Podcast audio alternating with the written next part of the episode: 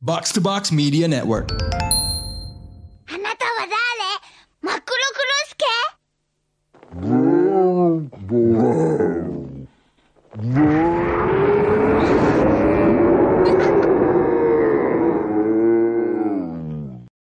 Studio Ghibli, satu nama yang punya tempat spesial bagi pecinta film animasi. Berbagai film Ghibli menegaskan bahwa karya animasi nggak cuma bisa dikonsumsi oleh anak-anak, tapi juga cocok bagi orang dewasa. Belakangan ini ada satu fenomena menarik. Beberapa orang mengaitkan karya-karya Ghibli dengan kehidupan mereka sehari-hari. Hai, hari ini gue pengen datengin Hidden Gems di Tebet yang vibes-nya katanya kayak di Ghibli nih. Penasaran kayak gimana? Ketika melihat rerumputan dan persawahan, air yang mengalir dari pegunungan, atau bahkan sekadar suasana tenang yang muncul dari suatu tempat, pengalaman itu pun diabadikan lewat kamera. Lalu diupload ke media sosial dan diberi keterangan singkat. Wah, vibes-nya Ghibli banget. Tapi vibes apa yang sebenarnya datang dari Ghibli? Lalu kecenderungan apa yang membuat tren semacam ini bisa muncul ke permukaan?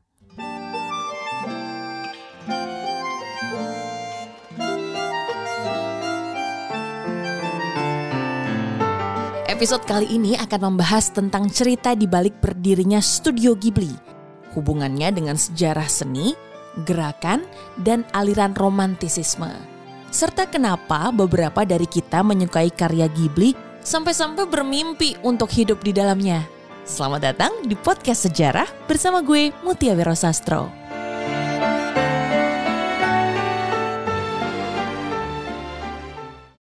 Membicarakan Studio Ghibli, rasanya tak akan pernah lepas dari membicarakan satu nama. Iya, dia adalah Hayao Miyazaki. Miyazaki menemukan inspirasinya sejak sebelum dia lulus SMA. Saat itu dia merasa kagum terhadap film panjang animasi berwarna pertama di Jepang yang berjudul Hakujaden.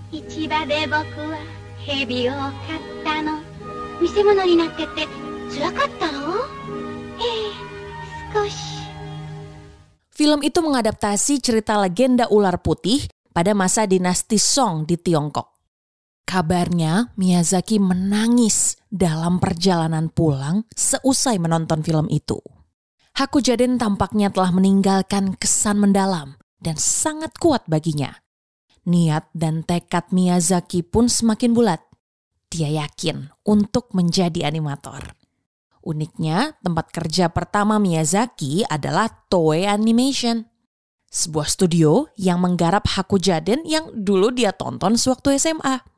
Mungkin serasa mimpi jadi nyata, bekerja bersama idola atau sosok penting yang berpengaruh dalam hidupnya.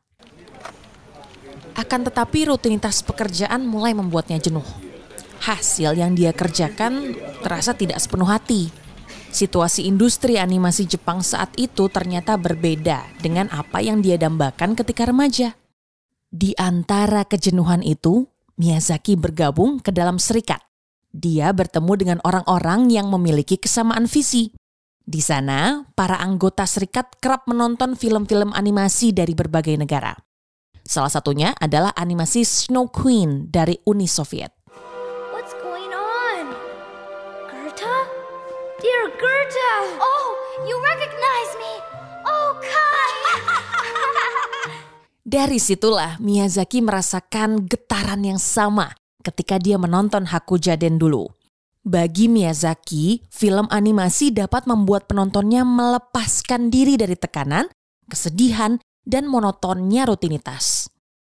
Di dalam animasi, dia menemukan kekaguman, kejujuran, dan penerimaan terhadap diri sehingga sang penonton mendapat lebih banyak energi untuk melanjutkan hidup. Begitulah film animasi yang ingin dibuat oleh Hayao Miyazaki dia tersadar bahwa idealismenya sulit untuk diwujudkan jika masih berada di dalam industri yang melakukan kerja-kerja repetitif, alias itu-itu saja. Produksi animasi besar-besaran di Jepang menurutnya membuat para animator kehilangan arah dan motif untuk menciptakan sesuatu yang mereka cintai.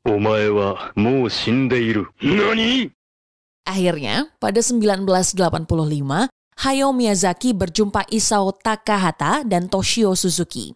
Mereka bertiga bersepakat untuk membentuk studio kecil di pinggiran Tokyo. Studio itu mereka namakan Studio Ghibli.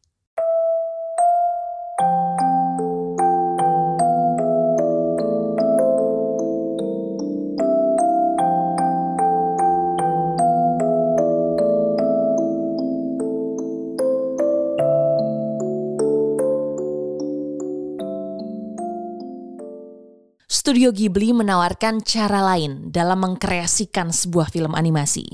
Sekilas tadi udah dibahas soal gimana produksi anime di Jepang waktu itu. Pada era 70 sampai 80-an, anime mulai dibuat secara masif dan besar-besaran. Semuanya tak terlepas dengan adanya suatu boom atau lonjakan permintaan dari industri. Bagi Miyazaki dan kawan-kawannya, situasi tadi membuat anime jadi sebatas produk komersial semata para animator dinilai kehilangan idealisme berkarya. Karya Ghibli sebenarnya nggak cuma menawarkan alternatif di dalam komunitas kreator anime secara khusus. Karya-karya mereka secara umum juga memberikan respons, kritik, atau tanggapan atas kehidupan di Jepang masa itu. Para pendiri Ghibli merasakan peralihan cepat.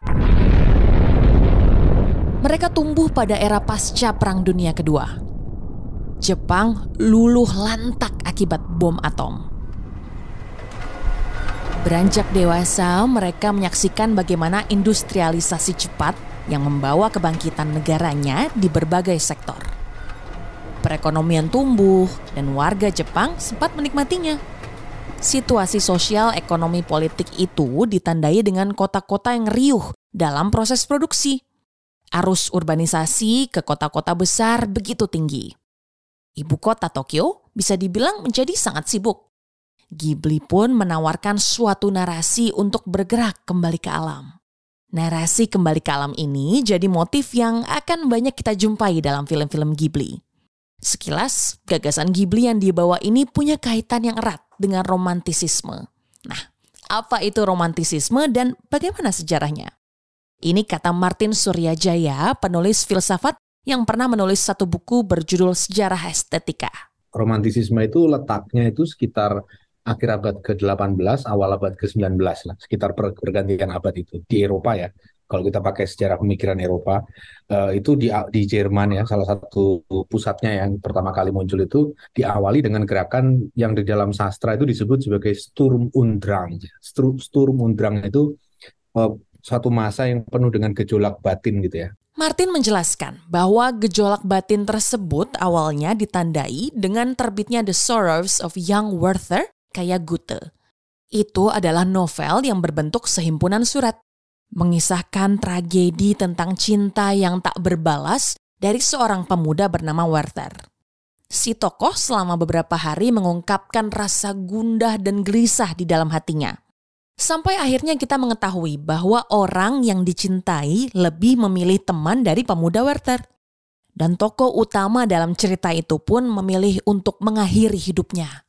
Dari situ kemudian muncul kegandrungan atas kisah sedih Werther. Ya, anggap aja pemuda Werther ini adalah Fajar sad boy zaman dulu. Tapi saya mau jujur duluan, saya punya perjuangan kalah dengan laki-laki glowing. Sedangkan saya hanya lelaki yang sering smoking. Dia membeli Rex King, saya hanya membeli pancing. Dia yang telah berdua, saya yang telah berdarah. Dia yang telah menikmati, saya yang dia sakiti. Dan akhir cerita dia yang kepelaminan, saya yang jadi tamu undang. Jika reaksi kita sekarang umumnya menertawakan tingkah Fajar dalam suasana yang penuh ironi, kesedihan pemuda Werther pada masa itu dihayati secara serius dan mendalam sebagai suatu bentuk tragedi. Mungkin kalau Fajar lahir di Jerman pada masa itu, dia juga akan membuat sesuatu yang punya dampak besar. Sebab dari karya Goethe tentang pemuda Werther, gerakan Sturm und Drang terus berkembang sebagai sejarah awal romantisisme. Umumnya ada satu garis singgung utama di dalam aliran seni tersebut, yaitu keinginan atas sesuatu yang sifatnya mustahil untuk dicapai. Hal ini pun kemudian terlihat dari karya-karya sastra, seni rupa, bahkan arsitektur yang ada di Eropa memasuki abad ke-19. Lantas, Bagaimana kaitan antara gerakan seni di Eropa pada zaman dulu dengan studio animasi di Jepang masa kini? Kalau dalam ekspresinya di Eropa itu eh, jelas adalah akarnya dari individualisme. Jadi bagaimana kita bisa mengekspresikan diri kita yang otentik, berbeda dari orang lain dan seterusnya. Kalau dalam tradisi Jepang persoalannya bukan individualisme, tapi lebih bagaimana kita mencapai kesatuan dengan alam yang tidak terkontaminasi oleh culture, oleh teknologi, oleh apa pun itu. Di Eropa, gerakan seni romantisisme itu erat kaitannya dengan aspek individual, di mana individu berada di dalam tegangan antara keinginan dan kenyataan. Sementara di Jepang, wacana romantisisme tercermin dalam keinginan untuk kembali ke akar yang ada di dalam tradisi dan kepercayaan mereka. Salah satunya adalah Shintoisme. Dalam ajaran Shinto, manusia hidup berdampingan dengan unsur non-manusia, yaitu roh atau arwah. Mereka menghuni hutan, sungai, gunung, dan berbagai tempat, baik yang dihuni atau yang tidak dihuni manusia. Misalnya ya, paling film Ghibli yang paling populer, paling artinya paling orang banyak paling paling banyak tonton itu kan Spirited Away kan. Uh, itu kan kelihatan banget di situ bagaimana seorang anak perempuan berlibur bersama keluarganya terus akhirnya masuk ke dalam satu dunia arwah gitu ya katakanlah seperti itu di sana di mana dia bertemu dengan berbagai macam makhluk ajaib dari dunia itu gitu. Yang munculnya ekspresinya itu dari alam sekitar gitu ya. Ketika ada binatang berbentuk apa, ada berubah menjadi apa dan seterusnya. Nah, uh, itu adalah uh, apa ya? bentuk paling eksplisit dari penggambaran apa ya keyakinan Shinto itu tadi ya apa ekspresi dari uh, keyakinan bahwa segala sesuatu di sekitar kita itu memiliki jiwa gitu. Dinamika hubungan antara manusia, roh, dan jiwa dalam film-film studio Ghibli juga tampil secara menarik. Ada gejolak, ketegangan, bahkan konflik yang bersifat konfrontatif. Semuanya demi satu hal, yaitu harmoni atau keseimbangan. Kita bisa melihat ini dengan jelas dalam Princess Mononoke dan Pompoko.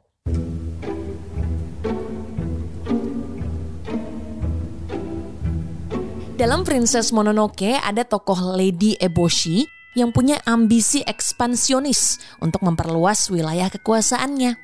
Dia memimpin manusia berperang menggunakan teknologi dan persenjataan canggih menghadapi roh-roh hutan. Sementara tokoh yang bernama San berusaha untuk melindungi hutan tempat dia tumbuh dibesarkan oleh seekor serigala.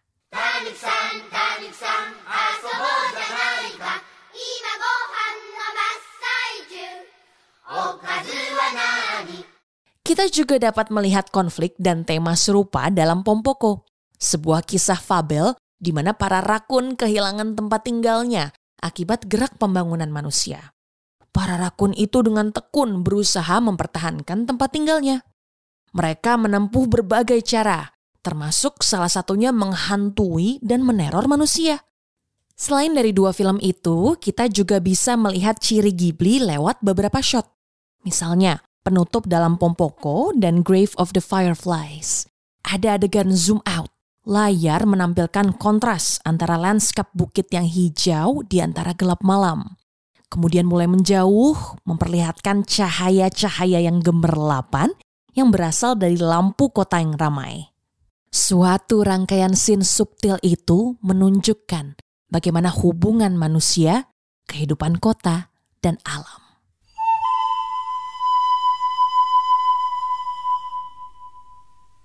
Sampai hari ini film besutan Studio Ghibli masih disaksikan dan disukai banyak orang. Nilai-nilai yang mereka bawa pun bisa dibilang masih relevan. Ekspresi atau ungkapan, wah vibes-nya Ghibli banget, bisa jadi salah satu penandanya. Kita menginginkan hidup harmoni dengan alam, bukan hidup yang berantakan. Mungkin saat ini kita juga sudah muak, berada jauh dari sesuatu yang didambakan sesuatu yang dianggap jadi titik keseimbangan.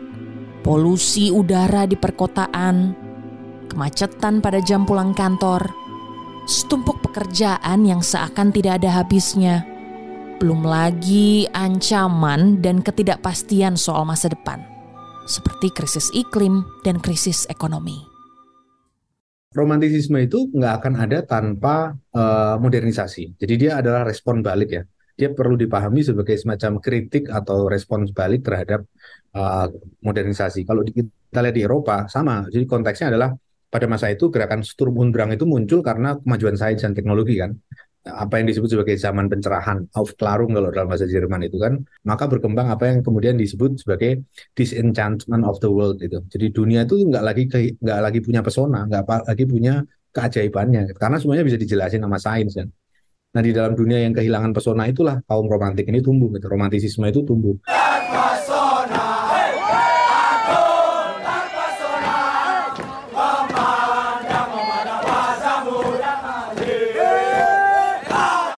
ekspresi dari modernisasi itu kan macam-macam ya. Bukan hanya dalam bentuk sains tapi juga dalam bentuk ekonomi kan. Sehingga cerminan itu muncul di banyak tempat ya. Di Indonesia pun juga demikian ya. Uh, apa namanya uh, akhirnya ada uh, apa concern yang lebih besar pada mental health issues terus healing dan seterusnya itu ya kembali ke apa namanya mem mempertautkan diri dengan irama alam gitu. Karena irama yang ada di kota itu nggak manusiawi nggak alamiah gitu. Ungkapan vibes yang Ghibli banget agaknya relevan dan bisa jadi penanda zaman bahwa kita kini hidup dalam situasi yang tidak ideal. Maka beberapa orang berusaha mencari escape dengan healing, menjauh dari wilayah perkotaan tempat mereka mencari makan. Beberapa yang lain bermimpi untuk bisa hidup di dunia lain, di dunia studio Ghibli. Tinggal kini bagaimana kita berusaha untuk mewujudkannya. Apakah kita mampu? Atau impian itu berakhir seperti kaum romantik yang tak sanggup menggapai hasrat dan keinginannya.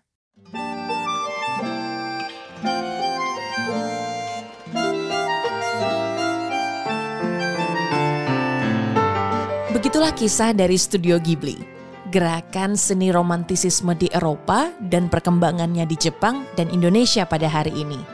Bisa dibilang ketertarikan dengan vibes yang ada di dalam animasi Ghibli muncul bukan tanpa alasan. Kehidupan kita yang makin ruwet bisa jadi membutuhkan satu alternatif dunia hari ini. Singkatnya, kita ingin hidup di dunia yang lebih layak, harmonis antara manusia dan alam. Gue Mutia Wiro Sastro pamit. Jangan lupa untuk follow dan rate podcast sejarah di Spotify. Sampai jumpa di episode berikutnya.